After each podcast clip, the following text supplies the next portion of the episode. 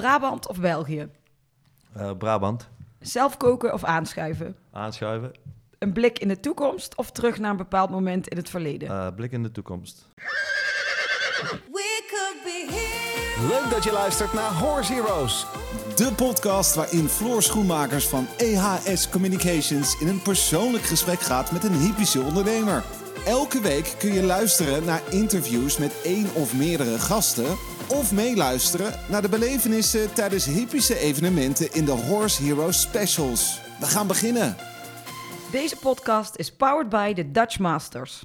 Hij behoort al jaren bij de top 25 van de wereld springsport. Hij heeft deelgenomen aan vele verschillende Europese en wereldkampioenschappen, Olympische Spelen en wereldbekerfinales.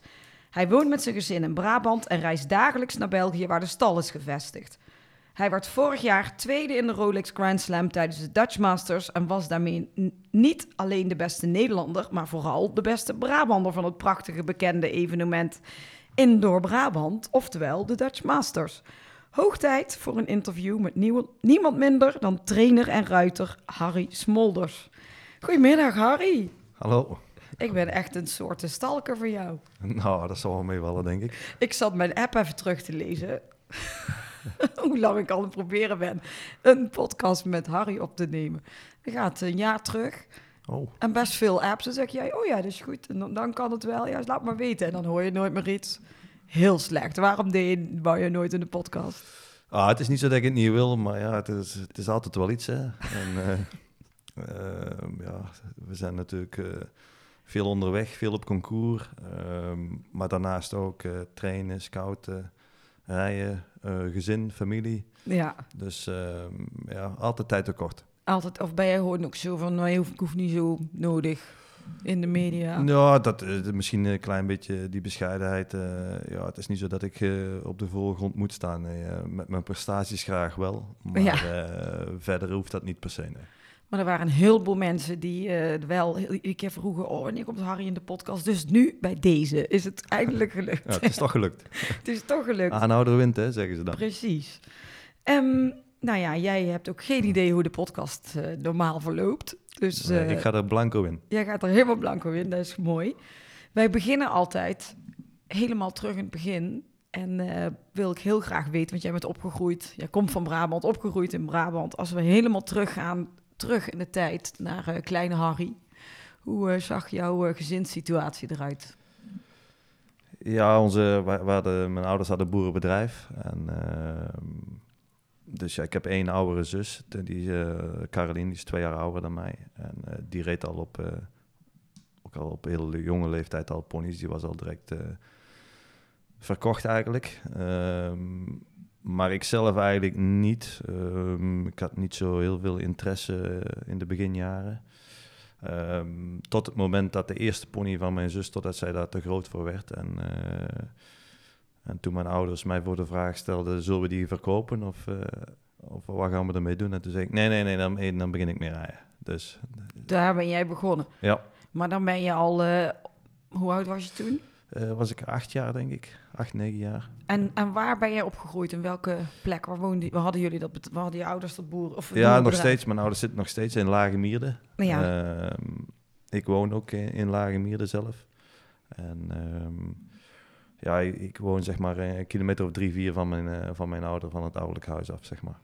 En wat voor een eh, boerenbedrijf was het? Wat, wat voor dieren? Ja, wij hadden wel eh, eh, zeg maar eh, mestvarkens en we hadden ook wel wat, wat, wat stieren en, en voor, voor vette mest eigenlijk in die tijd, ja. En jouw ouders hebben zelf ook een link met paarden.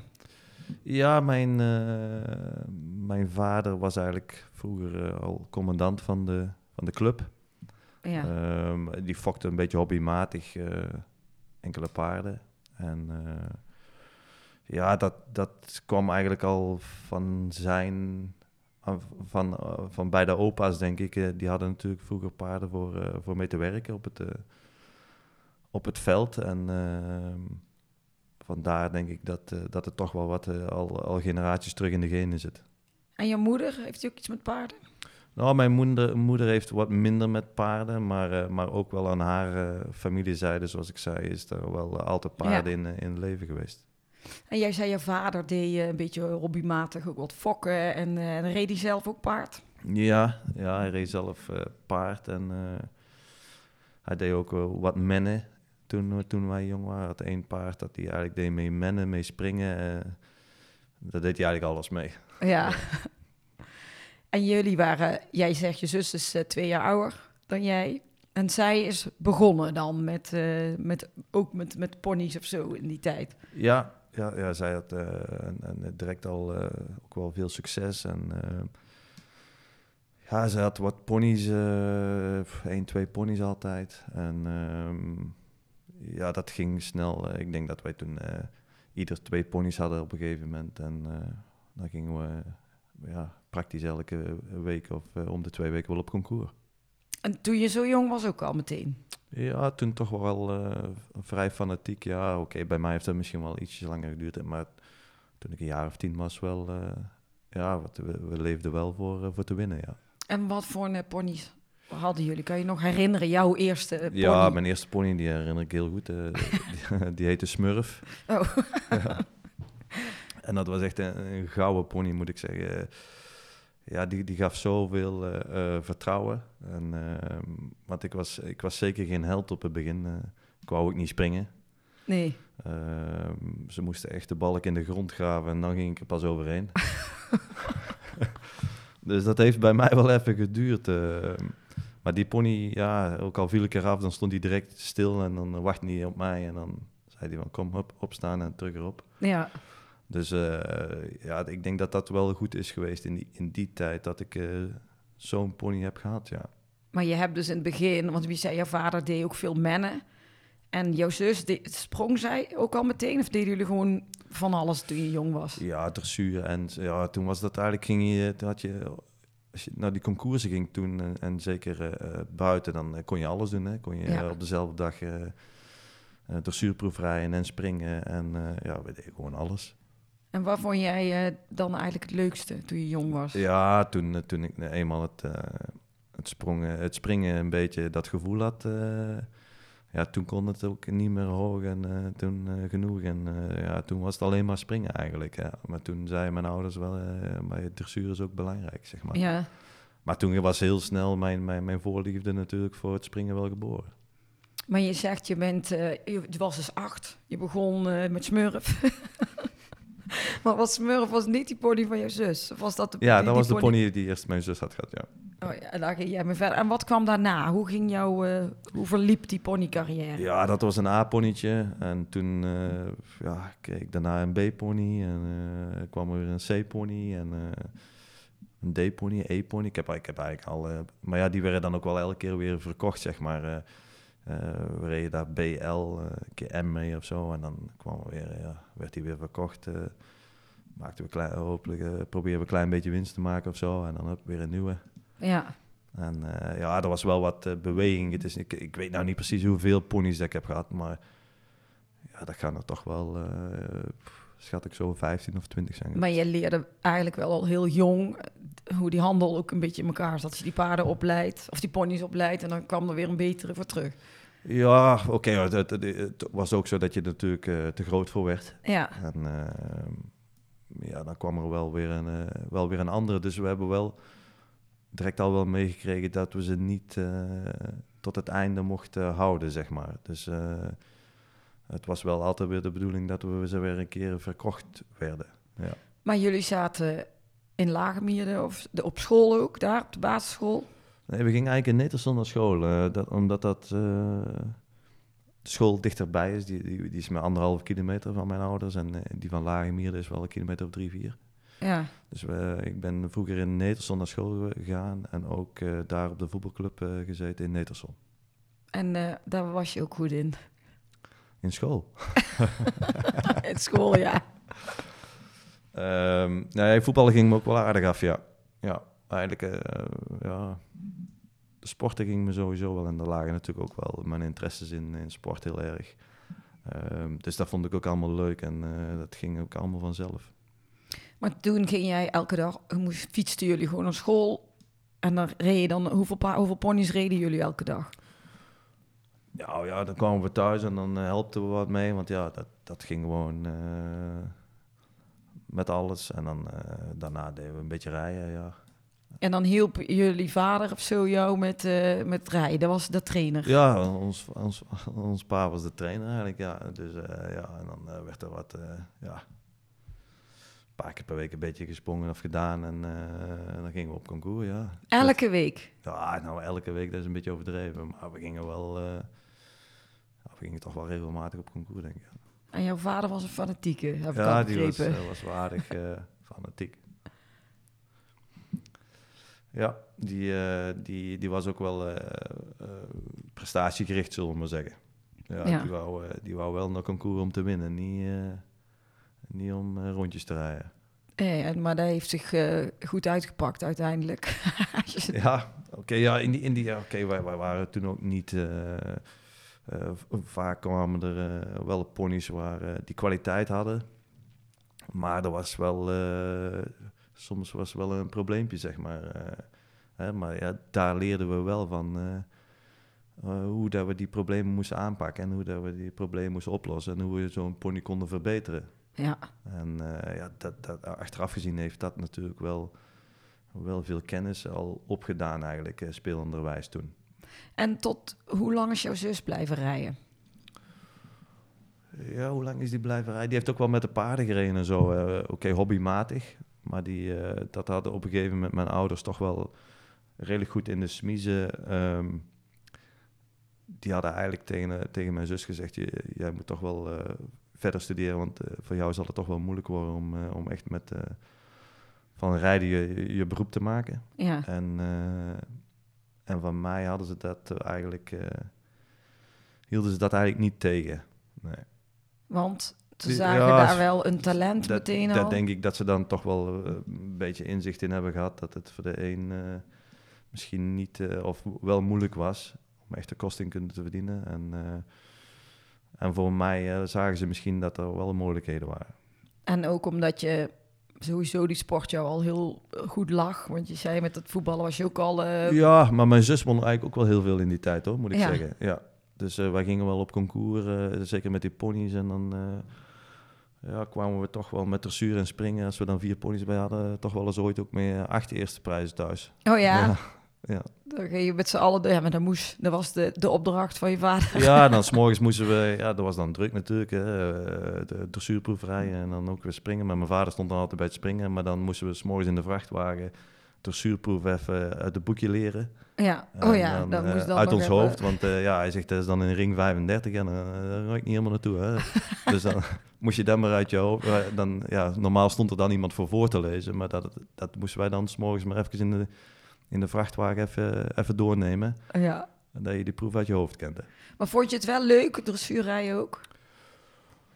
Ja, ik denk dat ik in mijn ponytijd wel vaker kampioen ben geweest in dressuur dan in springen bijna. Of weet ik eigenlijk wel zeker. Ehm, maar eh, mijn hart lag wel bij het springen, ja. Maar ik werd wel voorgespiegeld dat ik dat een heel belangrijk onderdeel van was om uiteindelijk een goede springruiter te worden. Maar is daar iets wat jij nu ook zelf eh, hanteert bij jouw leerlingen? Dat je dat vindt, dat de dressuur wel eh, belangrijk is? Ja, oké, eh, het het is wel anders? veranderd natuurlijk. Ja. Hè? Dus het is veel eerder gespecialiseerd geworden. En ja, dat is wat moeilijk soms om, om op je leerling ook over te brengen. Dat, ehm, dat, dat dressuur zo'n groot onderdeel heeft uiteindelijk op, ook in, in het springen natuurlijk. Ja, En, eh, en die basis, eh, ja, dat, dat kun je niet, uiteindelijk niet genoeg verfijnen.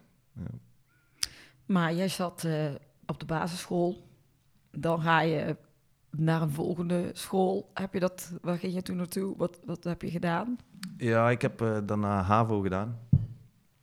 In, in Bladel op het PSX College. Dus dat was een kilometer of zes, zeven fietsen. En ehm, ja, ik heb die wel afgemaakt trouwens. Ja, nou goed zo. ja. ja.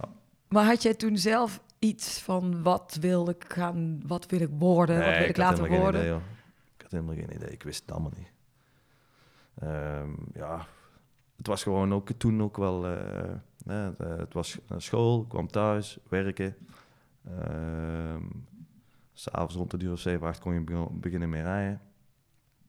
En eh, ja, dan kwam je om een uur S'avonds om een uur of acht. Ja, ja. En dan rond een uur of eh, 10, 11 kwam je binnen. Nou, dan was je eh, kei kapot. Maar dan zit je op de HAVO. Ja, Maar wat, wat van, van na school tot acht. En deed Ja, je meewerken in het bedrijf. ja, ja. ja. Jeetje, dus jullie hebben super hard gewerkt. Nou ja, dat weet ik niet. Dat, dat, dat vond het ook leuk. Dus eh, ik bedoel, ik vond dat leuker als ze achter die boeken gaan zitten. Ja, Dus eh, ja, dat ging, ja, zo was dat gewoon. Hè. Je moest eh, ja, bij ons wel gewoon werken, ja. Maar dat, eh, dat heeft ook nooit niet gevoeld als werk, laat ik het zo zeggen. nee, ja, je groeit daarmee op. Maar Ja. het is wel, als je nu kijkt, denk ik, bij een hoop eh, kinderen die leeftijd, dan dat is het niet meer zo dat die tot acht uur en dan nog die paarden om gaan rijden waarschijnlijk. Nee, ja, maar goed. Ja, eerst moest het werk gedaan worden en Ja. eh, daarna konden we eh, gaan rijden. En hoeveel paarden reed je dan? Of reed je toen nog ponies in die tijd? Of was je... Ehm, ik denk dat ik zo'n beetje ponies heb gereden tot 13, 14 ja, jaar. En toen had ik ook al wel paarden. En toen ging dat eigenlijk... Hebben we, hebben we, we hadden wat E-ponies. En die hebben we toen ook mee naar de paarden genomen. Dus... eh, en toen kwamen er ook wat paarden al van andere mensen bij. Of eh, ja... Ja, zagen natuurlijk wel meer mensen dat het ons wel redelijk goed afging. Dus toen kregen we al... Ja, toen had ik er wel op een gegeven moment... Ik denk toen ik een jaar of 15, 16 was... Had ik er misschien al wel een stuk of 8, 9, 10 paarden om te doen, ja. ja, dat is al best wel een aantal. Ja. En, maar, en eh, waar, toen je de HAVO hebt afgemaakt, je zei ik heb het afgemaakt. En wat ben je toen gaan doen? Ja, toen wist ik het eigenlijk niet. Maar ik, ik, wist, e- ik wist echt niet wat ik eigenlijk wilde gaan doen. eh. dus eh, mijn ouders zeiden, nou, als je, als je het niet weet, dan eh, ga je eerst eens een jaar werken. Ja, want ik wou misschien wel economie gaan studeren aan de HEO. Ehm, want daar lagen ook wel wat interesses eigenlijk van mij. zeg maar op de HAVO, dat ging me eigenlijk ook wel heel gemakkelijk af. eh, wat wiskunde, wat, eh, wat economie, handelswetenschappen. Dat, eh, ja, dat ging allemaal vanzelf. Daar hoefde ik eigenlijk ook niks voor te doen. Dus eh, daar zag ik ook wel een, een vervolg in eigenlijk. ja. Maar ja, ik was er niet s- zeker genoeg van. Ik denk, oh, als ik daar vier jaar naartoe moet, eh, naar de EO, dat weet ik ook niet. Hoor. Ben je wel ooit bij zo'n open dag geweest van die scholen of zo, Nee, dat je daar hebt gezien? nooit. dus je weet er eigenlijk ook helemaal niks van. Nee, ik wist het ook allemaal niet zo. Maar, maar goed, het, het ging me wel... eh, op de HAVO bleek wel dat dat, dat, dat heel makkelijk eh, ging. En eh, ik vond dat ook leuk, ja. Ja, En, ehm, maar goed, toen, toen zeiden ze dus, ja, dan ga je eerst maar eens even wat werken. Dus toen heb ik eigenlijk een, ook mijn eerste baantje eigenlijk. En dat was ehm, bij de familie Rombouts in, eh, in, eh, in Hapert. ja, Ehm, die hadden eigenlijk een rozenkwekerij. En ehm, die hadden ook, eh, die waren een beetje aan het fokken. En die hadden wat paarden die zo, ja, die, die, die net drie, vier jaar wa- werden, zo vijf. En daar, heb ik, daar ging ik dan voor, voor de middag ging ik daar een paar uur werken. En dan ging, maakte ik een beetje zaalmak en, dan, en daarna wat, ook die paarden die wat ouder werden, die, eh, die gingen dan wat, eh, wat springen. ja. En ehm, dat heb ik eigenlijk een paar maanden gedaan. En toen kwam eigenlijk eh, het verhaal van, van Johan Heijns. Ja. En wat was dat verhaal? ja. Kijk, eh, ehm, dat kwam eigenlijk eh, ehm, door Bert van Doetelaar. Die, die, die, die had wel wat meer contacten met, eh, met het noorden van Nederland, zeg maar. En eh, die, die hoorde dus dat, eh, dat Johan Heijns, of die had dat gevraagd, of die waren in contact geweest met elkaar. Een, een ruiter zocht en bij hem ging een... hij heeft dat een keer aan mij voorgelegd op concours. Bert. Ja. Ja. ja. En, ehm, dus ik zei dat af en toe ook tegen mijn vader. En mijn vader zei, ja goed, zegt hij, als je echt een, je kost wilt verdienen en je wilt, eh, wilt in de paarden, hij zegt, hij, eh, dan is het misschien wel een keer een goed idee om daar eens eh, drie maanden naartoe te gaan naar Johan Heijns. Ja, En ehm, hij zegt, en dan kun je al een keer zien of dat het iets voor je is. En ja, dan kun je misschien ook wel veel leren. Dus, maar ja, ik, dat, dat blijkt maar een beetje, ik, ik- in die tijd, ik wist wel dat dat de bondscoach, maar ik, ik wist niet echt precies wie Johan Heijns was eigenlijk. Ja, maar dan tijd. is het ook anders. Je hebt geen, niet dat internet en dat social media Ja. is niet zo... eh, Kijk, ik, eh, toen ik een, eh, ik ben de sport eigenlijk pas echt gaan volgen toen ik een jaar of 10, 12 was. Hè. De, Ja. eigenlijk de Olympische Spelen van Barcelona, dat was een van de eerste grote evenementen die ik echt, die ik me echt nog kan herinneren dat ik die allemaal op tv heb zitten kijken. ja.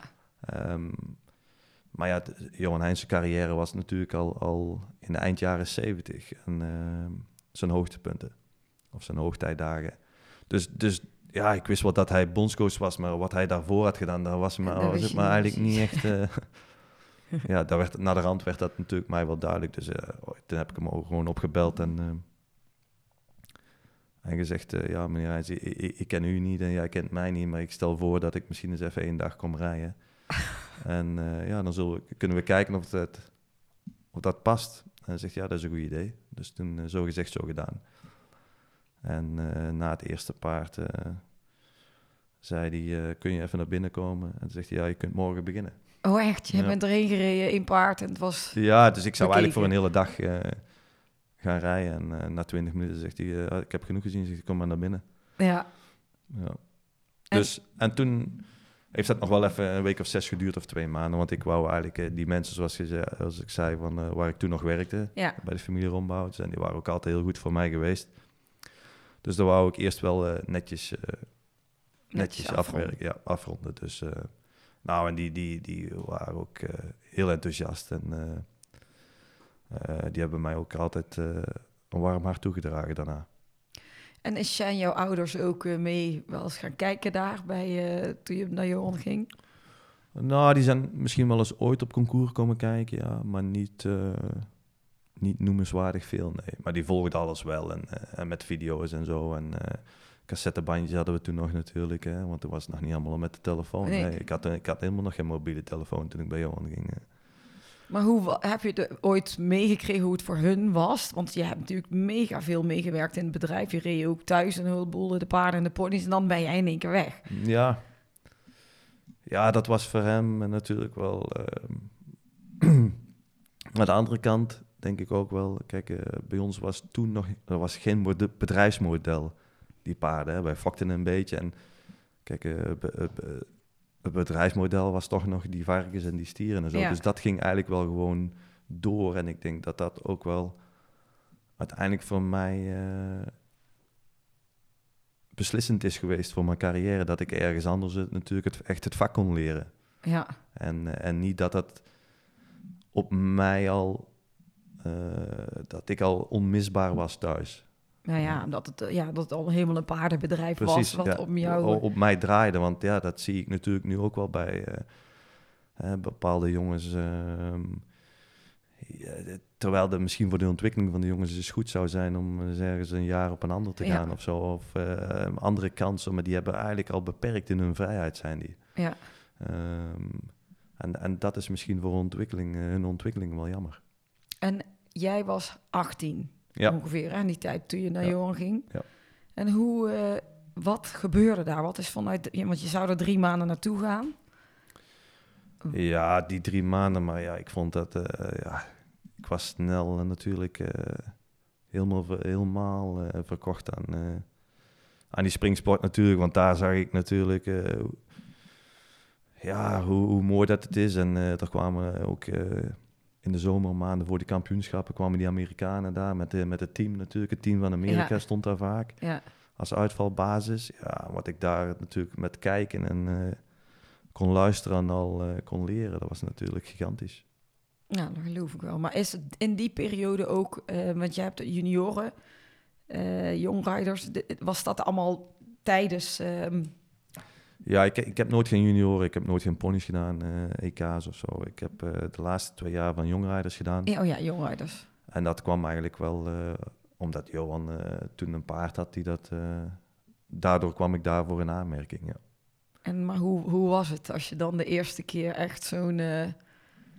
die, die grotere evenementen Ja, wij, wij, wij, wij, wij- zijn wel aardig nuchter opgevoed, zeg maar. Dus Ja. wij waren niet zo snel meer onder de indruk van, eh, van het een of het ander natuurlijk. Dus eh, ehm, Ja, voor mij was dat gewoon hetzelfde als, als een andere concours in principe. Ja, natuurlijk vond ik dat mooi. Maar, maar het ging uiteindelijk natuurlijk wel om het spelletje. Om, het- om- En je ging overal naartoe om te winnen, nog steeds. Ja, toen zeker wel, ja. En, met een goede uitdaging werd natuurlijk en het niveau werd hoger. En ja, ik, ik wist ook niet of ik wel goed genoeg was natuurlijk eh, in die tijd. Maar, eh, maar daarom maakte het des te aantrekkelijker.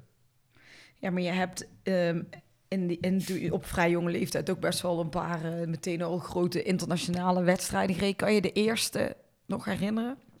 Ja, volgens mij was de eerste internationale concours dat ik deed, eh, zeg maar bij de, echt bij de senioren drie sterren, was Leeuwarden.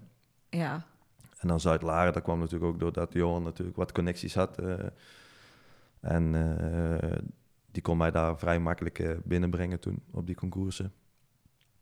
Dat zijn eigenlijk de eerste echte dat, dat ik echt tussen de, de, dus de senioren reed, ja.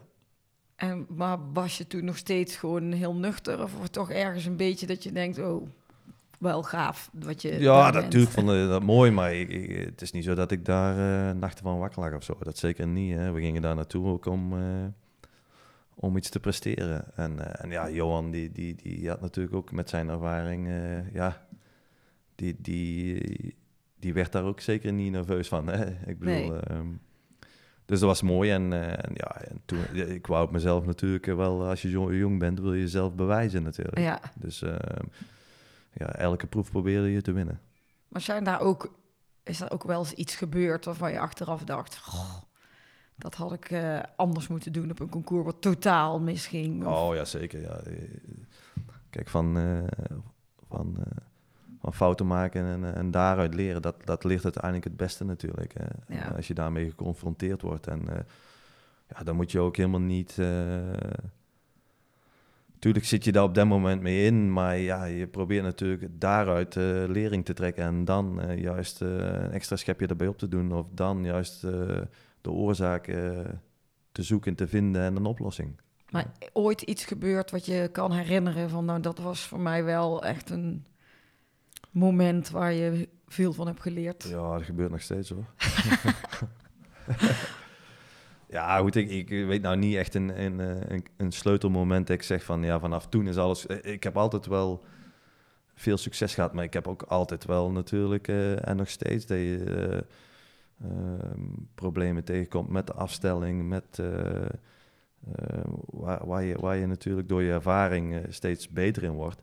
Ja, maar, Maar, maar er zijn natuurlijk nog steeds details waar, je, waar je tegenaan loopt.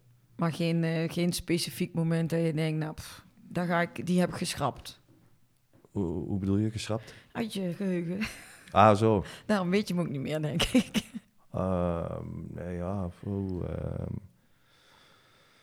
ja, zo direct 1, 2, 3 niet. Ehm, ja, de- we hebben alles wel meegemaakt. Hè? Ik bedoel, eh, eh, ik heb ook wel eens verkeerd parcours gereden. En ik heb ook wel eens, eh, ja, al die dingen hebben we wel meegemaakt. Hè? Ja. Je moet niet denken dat er bij mij alleen maar alles goed is gegaan. Dat zeker niet. Dat lijkt alleen zo. Ja, ja. lijkt alleen zo. nee, maar oké, jij, hebt, eh, jij zat bij Johan en eh, je zou daar eh, eigenlijk drie maanden naartoe gaan. En hoe lang ben je daar uiteindelijk gebleven? Ja, drieënhalf, vier jaar denk ik. En ehm, ja, dat was een, was een hele mooie tijd. Ehm, waar ik nog elke dag wel, wel plezier van heb eigenlijk. En ehm, het was veelal jonge paarden. Ja, eh, vier, vijf, zes jaar, eh, zeven jaar eh, opleiden. En dan uiteindelijk werden die verkocht of gingen die naar, naar BZ Madden. Ehm, en dat was eigenlijk ook een beetje het geval op het moment dat ik na vier jaar... Ik had toen drie hele goede paarden. ehm, waar, waar ik, als ik die nu zou hebben, nog steeds misschien wel de top van de wereld mee zou kunnen bereiken.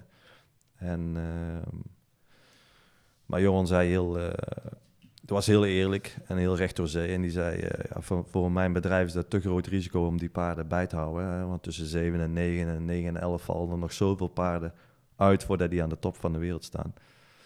En ehm, hij, daarom besloot hij die ook om te verkopen. En, eh, daar hebben we ook nooit geen meningsverschil over gehad. Maar toen hebben we wel gezegd, ik zeg, ik wil misschien wel iets verder kijken. Als er een keer juiste tegenkom, dat ik wel eh, probeer een, eh, een volgende stap te maken. En, dat was- Ja.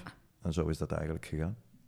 En waar eh, ben je toen naartoe gegaan? Ja, toen zijn we naar Axel Verlooy gegaan. ja. Heel lang. Ja, dat, dat, zijn we heel lang geweest. En ehm, daar zijn we eigenlijk ook onderaan begonnen. Ehm, Een beetje op één sterrenniveau. En ja, dat was meer een mix van, van handel. Maar Axel had ook wel voorliefde voor de sport. En ehm, ja, en dat, dat is eigenlijk alleen maar eh, gegroeid, ja. En hoe lang heb je uiteindelijk eh, bij Axel gezeten? Ja, ik denk een kleine twintig jaar. Ja, dat is toch al een tijd. En als je daar eh, in die hele periode kijkt, wat was voor jou wel een van de hoogtepunten in die, in die periode? Ja, er zijn zoveel hoogtepunten. Kijk, het mooie is aan dat, aan dat verhaal is natuurlijk dat we eigenlijk op een... eh, elke keer weer hebben verkocht eigenlijk, paarden. En, ehm, en vanuit daaruit weer proberen voor, voor dat ene paard weer twee andere terug te kopen. Ja, En, eh, en weer een hoger niveau aan te tikken. En dat is denk ik wel, eh, wel het mooie aan heel het verhaal. een telefoon doet iets. oh, sorry. Ik dacht dat ik hem uit had staan. Ik denk al ligt er nog ergens een telefoon verstopt onder de tafel. Nee, ja, ik, ik- denk dat dat wel een... eh, ehm, kijk, Axel was heel de dag eh, natuurlijk een paard aan het zoeken en, eh, en aan het bellen. En eh, ik was de paard aan het trainen en, eh, eh, en de ruiters. Ja, Ehm,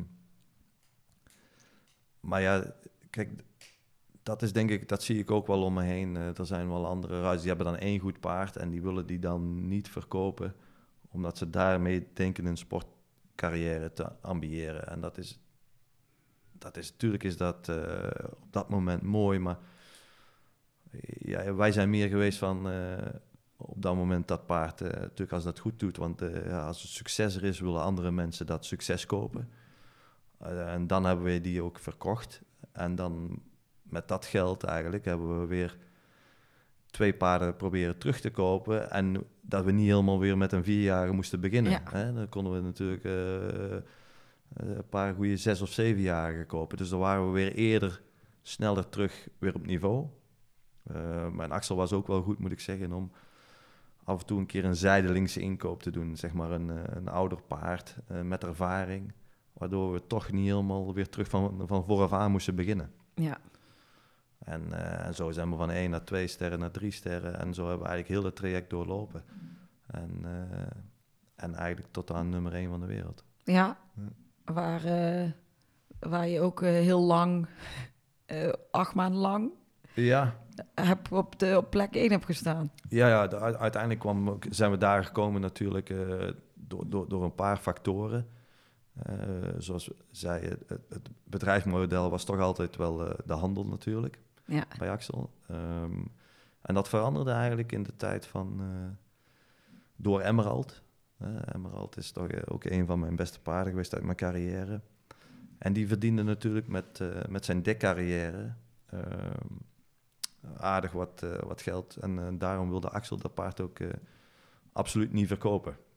En ehm, ja, dat, dat was de eerste keer in mijn leven eigenlijk... dat we echt een paard... volledig in zijn carrière eh, kon uitrijden. Ikzelf. Ja. Ehm, en daarnaast had ik een, eh, hadden we een Amerikaanse student in die tijd. En eh, die heb ik drie jaar lang getraind. En daarna moest hij moest eh, stoppen met rijden. Dat, dat, dat was van tevoren al zo gepland. Dat gaat in Amerika wel iets anders. En die moest toen terug naar school eigenlijk. Haar school afmaken. En die mensen zaten toen met vijf, eh, vijf paarden die op vijf sterren niveau liepen. En eh, toen kwam de vraag of, ehm, wat ze daarmee moesten doen. En toen heb ik die eigenlijk voorgelegd van... eh, ja, ik denk dat je die paarden nu moet verkopen. Die vertegenwoordigen nog een hele goede waarde. Ehm, maar die mensen hebben dan eh, familieoverleg gehad. En die zeggen, je hebt, je hebt zoveel gedaan de laatste jaren voor, voor mijn dochter. Ehm, en wij, wij zien de sport nog heel graag. Dus wij zouden eigenlijk betrokken willen blijven. En eh, de vraag of jij die paarden niet wil rijden voor ons in de, in de sport. ja, ja, en toen kwam ik natuurlijk, had ik in één keer eh, zes, zeven paarden voor vijf sterren niveau. Ja, het grootste compliment denk ik ook wel dat je dan en waardering wat je kan krijgen natuurlijk. Dat is natuurlijk een, eh, een hele mooie geste. En dat, dat toonde hun, hun blijk van waardering terug naar mij natuurlijk. En ehm, goed, er, er waren eigenlijk eh, twee voorwaarden. Is dat ik geen andere klanten voor een jaar lang mocht trainen. Dat, eh, want hij zei, je hebt nu de ervaring in de sport. Eh, nu zou je eens een jaar lang alleen puur op de sport moeten focussen. Ja, En nu heb je ook het materiaal. Dus eh, paarden met de juiste leeftijd, allemaal tussen 10 en 15 jaar, die vijf sterren niveau aan kunnen. En, ehm, en de andere voorwaarde was dat we dan binnen een jaar nummer vijf, top 5 van de wereld moesten zijn. ja. Nou, maar we waren dan binnen, binnen 10 maanden nummer 1. Dus Dus dat was wel goed gekomen. ja, dat was, dat was eigenlijk helemaal, helemaal gelukt, ja. En jij bent eh, toen na die eh, periode eh, van Axel, ben je helemaal voor jezelf, dus ook toen zelfstandig gaan werken. En dat is dus ook de periode waar je het nu over hebt. Ja, dat was eigenlijk een beetje dan een transitieperiode. Ah, Oké, dat kwam ook een beetje met... Jo- Jos kwam natuurlijk, eh, Jos Verlooy, hè, de zoon van, eh, van Axel. eh, die bleek toch ook in, in die jaren al heel succesvol en, en echt een volwaardige vijfsterrenruiter te zijn. Ja, Ehm, dus voor Axel werd het ook moeilijker natuurlijk. Het is al heel moeilijk om voor één persoon genoeg materiaal voor vijf sterren niveau te vinden. Maar voor twee is, is bijna onmogelijk. En, en daarom heeft dat ook een beetje een natuurlijke verloop gehad. Ja. En een, een transitie die eigenlijk, eh, eigenlijk eh, heel natuurlijk is verlopen. En ehm, jij woont met je gezin in Brabant. En je hebt eh, twee kids. En zijn die ook fanatiek met de, met de paarden? Ehm, ik heb twee zonen, ja. ehm, Pim, en, Pim en Siep. Eén is 13, Pim, en mijn jongste zoon is 11. En die is wel heel fanatiek met, met de paarden. En eh, mijn oudste zoon heeft eigenlijk eh, niks, niks, met, eh, niks met paarden. Beetje zoals bij jullie thuis nu. Vroeger, de, jong, de jongste, die heeft er, ja, je zus had er wel wat mee, maar uiteindelijk... Ja, maar ik zie mijn, mijn oudste toch niet, ehm, toch niet beginnen met de paarden, nee. Maar goed, dat, dat, dat maakt ook niet uit. Ik bedoel, er zijn ook genoeg andere leuke dingen in het leven. Tuurlijk, voetbal misschien. is, is het voetballer? Ja, hij, hij doet voetballen, ja, en, eh, en gamen. En ehm, eh, hij, heeft, hij heeft wel verschillende interesses. Dus eh, ja, dat is ook leuk natuurlijk. Maar die jongste, die is dus wel ook al aan het rijden. Ja, die, rij- die heeft één pony, een D-pony. En die vindt het heel mooi. En die volgt eigenlijk een beetje hetzelfde traject als wat ik heb gedaan vroeger. Want die is nu, dat is nu ook een van de ruiters van opa, zeg maar. Ja, Ja, maar, die oh gaat- ja, ja dus die gaat elke dag eh, na school... Dus om kwart over twee uit school, denk ik, en om half drie staat hij nu bij opa. oh. Om eh, ja, een beetje jonge paarden mee los te laten. En eh, wat te longeren en wat stallen te doen. En, en een beetje rijden elke dag. Maar hoe, vraag ik me dan af, hè, wat jij hebt geleerd van jouw vader, zijn er bepaalde dingen die jij hem nu ook zo bijbrengt, wat jij hebt geleerd hè, toen je jonger was? Nee, goed, kijk, ik ben veel onderweg natuurlijk. En, Ja. ehm, ja, die, die, die tijd eh, is, is wat moeilijker in te delen voor mij. En eh, daarom is dat natuurlijk wel heel fijn eh, dat hij daar elke dag naartoe kan. Ja, Ehm, ook mijn neefje, zeg maar, het oudste, de oudste zoon van mijn zus, die heet Joep van Dijk. Die gaat ook elke dag naar opa, die is ook helemaal bezeten van, van het rijden. En die twee samen, dat, dat accadeert gewoon heel goed. En dat is, eh, is echt leuk eh, om te zien. En dat geeft eh, ook mijn ouders heel veel energie. ja, natuurlijk, maar hoe trots zouden die wel niet zijn als je dan dat hele verhaal weet en wat jij dan allemaal nu hebt bereikt. Ja. Dat is toch wel echt wel tof. Ja, goed, maar ja, ik ben natuurlijk al... ik, ik zou voor drie maanden weggaan en ik ben al... ik ben al 25 jaar weg. Ja, van huis. En ehm, ja, nu met die, met die kleinkinderen, ja, daar doen ze alles voor. En eh, dat is natuurlijk eh, ook geweldig mooi. Die komen er elke dag over de vloer en er is beweging. En eh daar gaan ze ook mee op concours. ja, Dus ja, dat, dat is wel mooi voor hen. tuurlijk. Is, ja, dat, je weet jezelf als je vader bent hoe trots je kan zijn op je kids. Ehm, een onderdeel in de podcast is muziek. Harry Smolders. ja, ja dat, dat is helemaal mijn ding.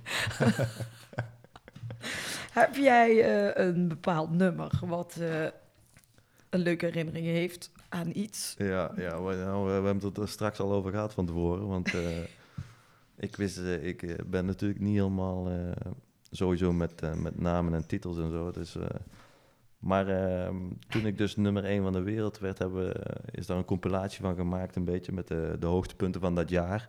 En daar stond, stond een, eh, een nummer onder van eh, More Than You Know van Axwell. En eh, ja, dat, dat vind ik wel, past er wel mooi bij. Dat brengt wel even trotse herinneringen terug. Ja, ja, dat is wel. dat is, ja, dat is een beetje een, een, zeg maar een korte samenvatting van, van, de, van dat succesjaar. En ja, dat is, dat is wel, wel mooi gedaan. En kun jij zelf wel eens een beetje zo erboven hangen en kijken wat je allemaal hebt gedaan? Of ben je echt zo nuchter dat je denkt, nou ja, Nou ja, ik, da, daarom is dat misschien ook dat ik niet direct voor zo'n. eh, ik, ik, kijk liever vooruit hè, en, Ja. eh, dan van wat ik allemaal. eh, ja, het klinkt al zo als je allemaal terugkijkt van.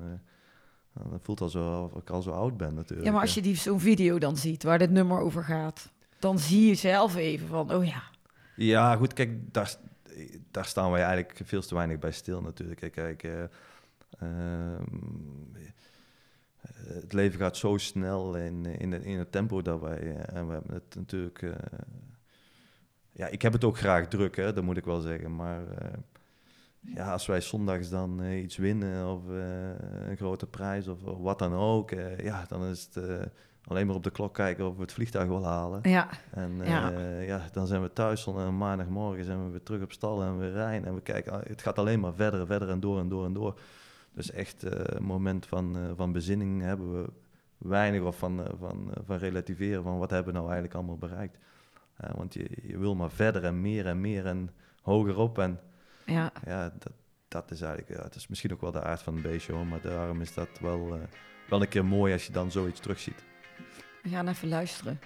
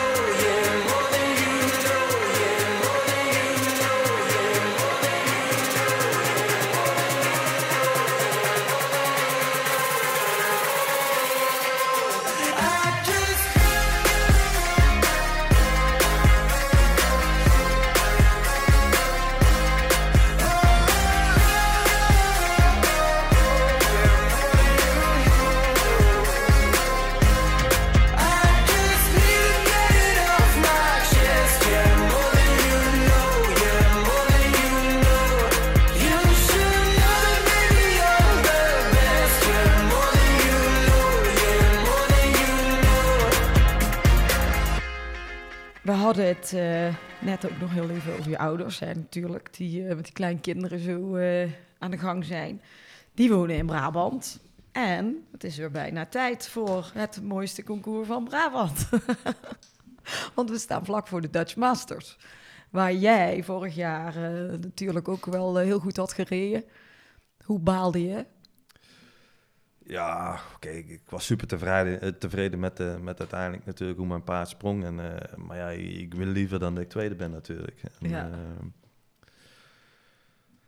ja, natuurlijk kijk ik daarna wel eens even terug van, evalueer ik van waar heb ik het laten liggen, wat had ik nog meer kunnen doen, wat had ik nog meer moeten doen.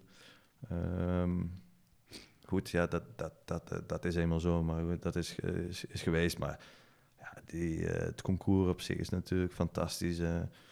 ik ben er al een keer tweede geweest. Ik ben bij Emerald ook al een keer derde geweest. Ik zou hem heel graag een keer winnen.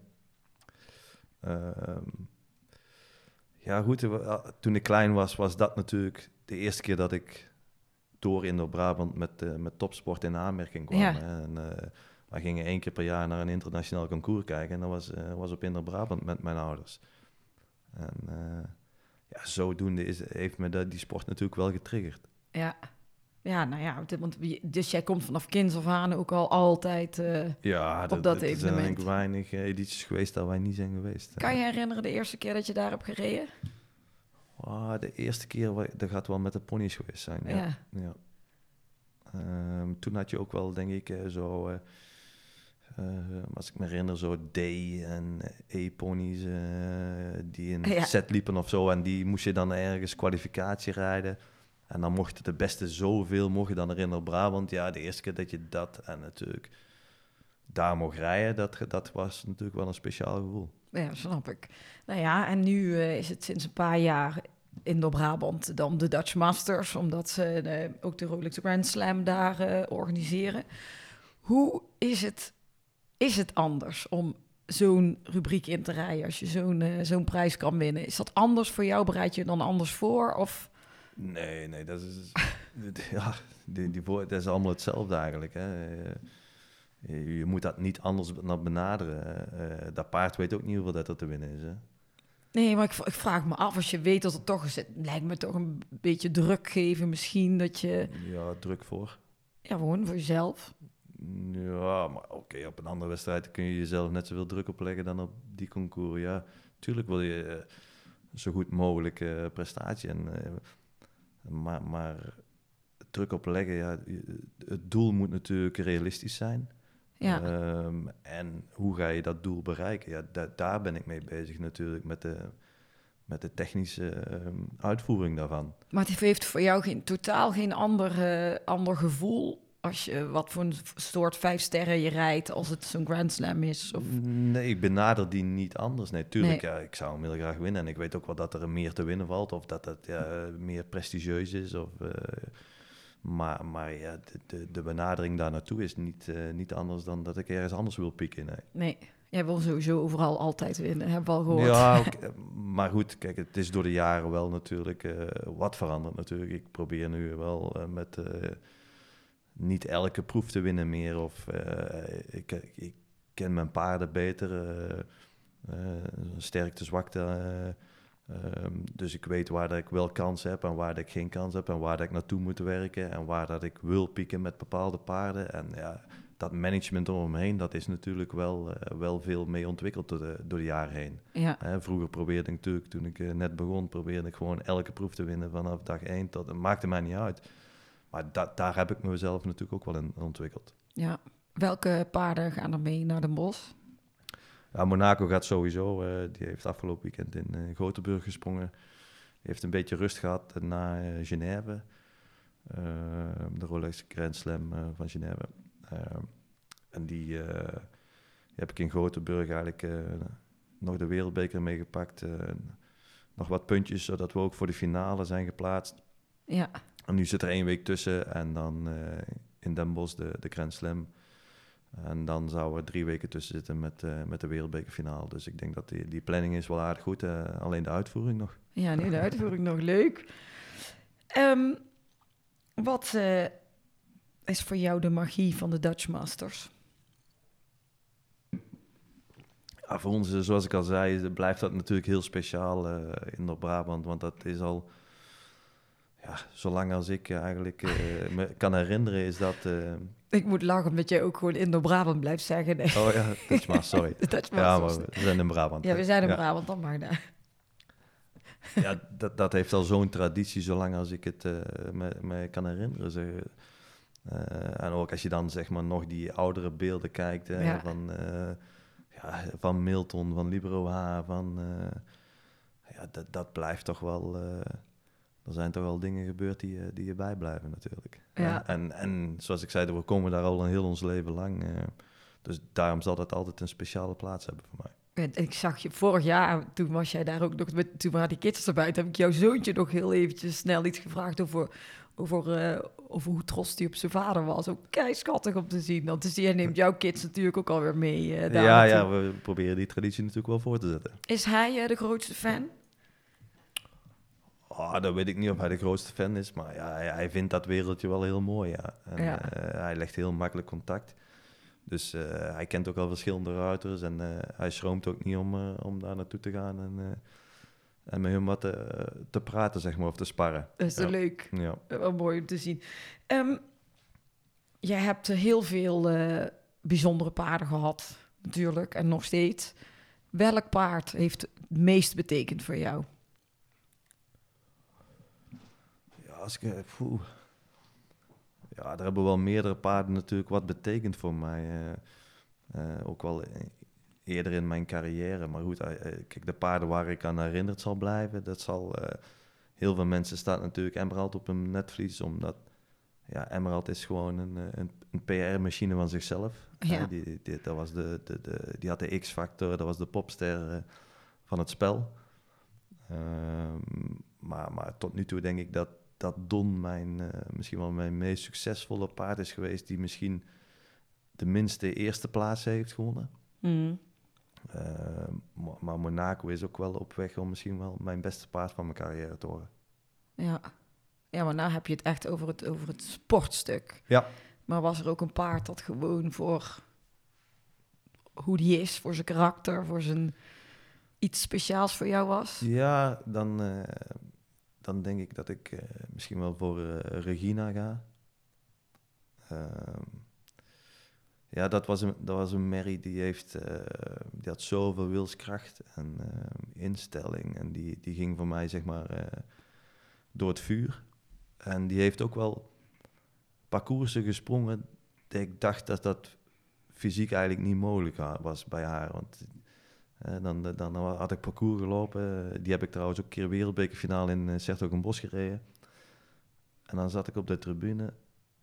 En dan dacht ik, maar waarom...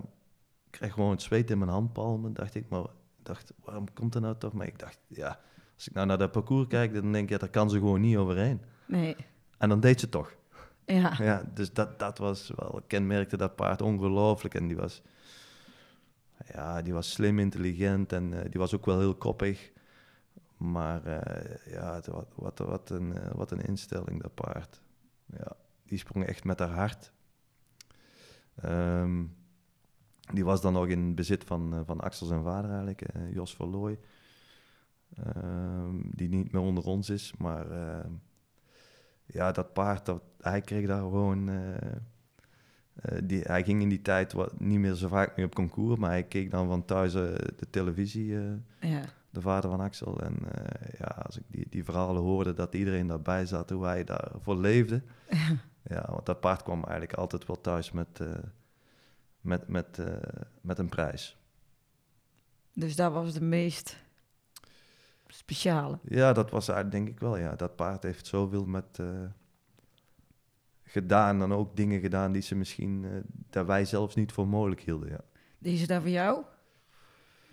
Ja, dit is natuurlijk een combinatie van. Hè. Ehm, ik, ik gaf er misschien dat, wel, eh, dat vertrouwen natuurlijk en, eh, en het geloof dat ze dat kon, wat ik misschien zelf en zij overtuigde mij weer, Ja, want ik dacht dat ze het niet kon. Maar ik gaf er natuurlijk, dat gevoel heb ik haar natuurlijk nooit niet gegeven. Ik heb altijd het gevoel, ja, jij bent de beste, ja, jij kunt dat. En, eh, en dan probeerde ik ze natuurlijk zo, zo juist mogelijk te, te motiveren. En in, in zo goed mogelijke plaats van afzet met het juiste ritme te brengen. Ja, mooi. Ja. We gaan eh, naar de vragenpot. Oh, dat is nieuw. Voor mij dan. iets gezelligs voor je. Dan eh, mag jij eh, die pot opdraaien. Ja. En dan de vraag eruit halen. Doen we er gewoon een paar. Hardop voorlezen. Moet ik En- schudden? Moet ik hem... Ja, wat je wil. Ik weet ook niet hè, wat je moet doen. Ja, maar een, eh, ik heb echt geen idee wat voor vraag dit kan zijn. Ik ook niet. Moet ik hem eh, maar openmaken? Ja, en dan voorlezen. Eh, met welke beroemdheid zou jij een kopje thee willen drinken? Nou, ik drink meestal koffie, dus... eh, En koffie dan. Ehm, ja, met welke beroemdheid? Oh. Tja. Ja, dat is, ja, zoals ik er straks al eh, zei, het is niet zo dat wij nou echt ehm, ehm, naar mensen echt op heb gekeken in mijn, in mijn leven eigenlijk. eh. Ik weet eigenlijk niet hoe dat komt eigenlijk, of, of komt dat nou door, die, eh, door onze Brabantse nuchterheid of zo. Het is, eh, het is niet zo dat wij nou echt, eh, dat ik denk van, oh wauw. Of dat ik iemand zo geadoreerd heb dat ik denk van... eh, Oh, maar hoef je ook niet te adoreren. Misschien denk je wel, eh, nou, die Axel lijkt me wel leuk. die DJ. ja, laten we die een keer ontmoeten, ja. kunnen kunnen we het eens over zijn muziek Kunnen we hebben? het over zijn muziek hebben? Doe er nog maar één. Ja. Hopsa. Nou, hier komt hij. Allemaal die moeilijke vragen. Van welke kleine dingen geniet jij het meest? Ehm, nou, ik, eh, dat zal ik misschien wel. eh, dat, eh, omdat dat verhaal natuurlijk ook zo is en omdat mijn leven zo is. ehm, dat ik. als ik zeg maar, eh, ik kan heel erg genieten van als wij s'morgens ontbijten met mijn, met mijn kinderen en met mijn vrouw, zeg maar. En dat gaat eigenlijk, ja, dat gaat nergens over. Want je denkt wel, is dat nou speciaal? Maar natuurlijk als ik nou terugkijk hoeveel dat ik weg ben geweest en hoeveel dat ik onderweg ben. En als ik, ja, dat vind ik, ja, dan zie je pas echt wat er doet. Ja. Ja, maar dat is ook met juist dan, met je gezin. Ja, dat raakt jou, zie ik. Ja, Maar dat moet ook. ja, ja, dat is mooi. Ja, nog een vraag.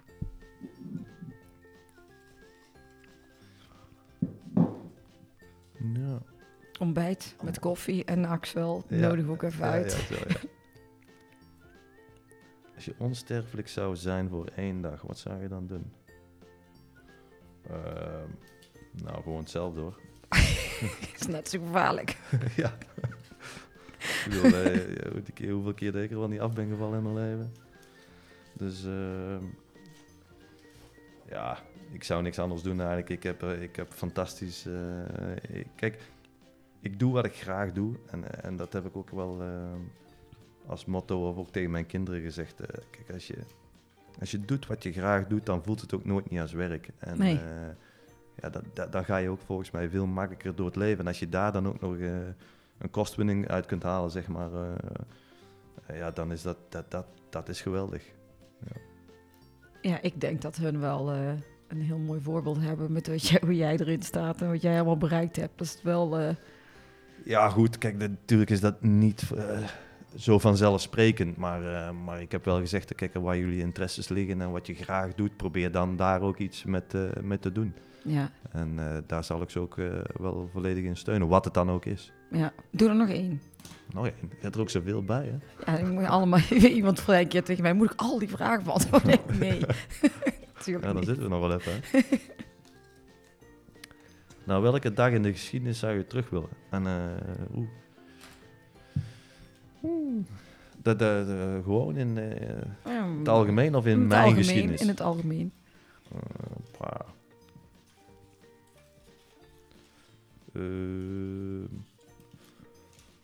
Eh, nou ja. Wat zouden we dan doen? Ehm, ja, er zijn zoveel dingen. Maar ja, zoals ik, ik kijk liever vooruit natuurlijk. Maar als we dan terug moeten gaan. ehm, dan gaan we dus naar, eh, naar, naar Barcelona Olympische Spelen. En dan wonnen we mee het team goud natuurlijk. En dat zou ik dan natuurlijk volgend jaar in Parijs willen doen. Ja, dat is een goeie. Want dat wou ik net vragen. Hoe ziet de toekomstplannen eruit? Ja, de toekomst. ehm, ik hoop natuurlijk, kijk, nu heb ik nog, nog een, nog een eh, heel mooi koppeltje paarden. Hè, ehm, die, eh, die ook in een mooie leeftijd zitten. Ik sta eh, nu ook nog in, in de top van de wereld. Kijk, wat er na deze generatie paarden gaat gebeuren, dat weet ik niet. Ik zie mezelf niet ehm, tot op heel late leeftijd eh, eh, op dit tempo doorgaan in de sport. Ehm, maar ik blijf wel in de paarden en ik heb ook al wat andere dingen die ik heb opgezet, zeg maar, eh, waar in de toekomst wat, nog wat meer focus eh, naartoe zou kunnen gaan. En dat, eh, dan heb ik het over, we, we, organiseren ook met een paar vrienden wat online veiling. eh, ehm, eh, zoals met, met mijn zoon en met mijn neefje, dat zou ik ook natuurlijk wel, wel meer tijd voor willen vrijmaken in de toekomst als die, Ja. als die echt iets in de paarden willen. Ehm, ja, er zijn, er zijn de juiste balans is natuurlijk eh, overal in te vinden. Maar ik heb wel een paar dingen opgezet om in de toekomst natuurlijk, mocht dat eh, de, de juiste paarden ik niet meer heb voor de sport te doen, dat ik dan wel direct kan schakelen naar, eh, en de focus meer op andere bedrijfsonderdelen kan, eh, Ja. kan leggen. Leuk. Ja. Ehm, nou ja, Harry, we zitten eh, al op het uur. En dan, eh, dan gaan wij meestal afronden. En volgende week is het natuurlijk, eh, of als deze podcast online is, is de week van, eh, van de Dutch Masters. En deze podcast is ook mede mogelijk gemaakt door de Dutch Masters. Waarvoor dank. En waarvoor dank aan jou, omdat eh, jij natuurlijk de Brabander bent die we zeker even wilden spreken daarover. Als mensen meer willen weten over jou, waar, waar kunnen ze je volgen? Ehm, ja, ik, eh, Instagram, eh, Facebook, ehm, website. ehm, ja, en nog Ja, meer? ja dat. Oké. Vraagt hij aan mij. Maar doe je dat, ben je daar zelf ook actief op of laat je dat doen? Ja, ik laat dat doen, maar ja, goed, het is wel zo als ik eh, echt een keer iets... dan, dan komt er ook wel ooit een, echt een persoonlijke bericht op, ja. Dat wel. Maar goed, voor, voor het algemeen, eh, het is niet zo dat ik daar nou eh, zelf... eh, maar goed, als, er, als ik keer een paard heb dat met pensioen gaat of zo, en dan, dat ik daar zelf echt... dan is het wel echt het verhaal dat van, van mij... Van jou komt. ja. Ja. Nou, en nou laat ik je met rust. en dan wens ik jou heel veel succes met, met je hele alles, de hele carrière en natuurlijk ook tijdens de Dutch Masters. En bedankt eh, dat je mee wilt doen. En dan eh, doen we maar een uh, Brabants eh houdoe. Ja, ja eh, jij ook bedankt. En eh, we zien elkaar denk ik eh, volgende week op, eh, op de Dutch Masters natuurlijk. En, eh, en eh, ja, hopelijk eh, kunnen we daar ook weer... eh, ik hoop dat iedereen komt. Jazeker. En eh, en het is toch altijd weer eh, die Brabantse gezelligheid dat, eh, dat zo'n boer extra mooi maakt natuurlijk. Dus En we zijn weer eh, publiek. ja, En, iedereen komen zou ik zeggen. En eh houden we en bedankt.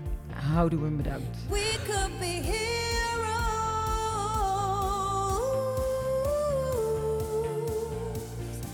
Dit was hem weer, de Horse Heroes podcast. Wil je meer weten over Floor, haar bedrijf of deze podcast? Kijk dan even op de website van ehscommunications.nl. En wat je ook zeker even moet doen, is je abonneren op deze podcast om geen enkele aflevering te missen. Het zou helemaal top zijn als je dan meteen een beoordeling achterlaat. Tot volgende week!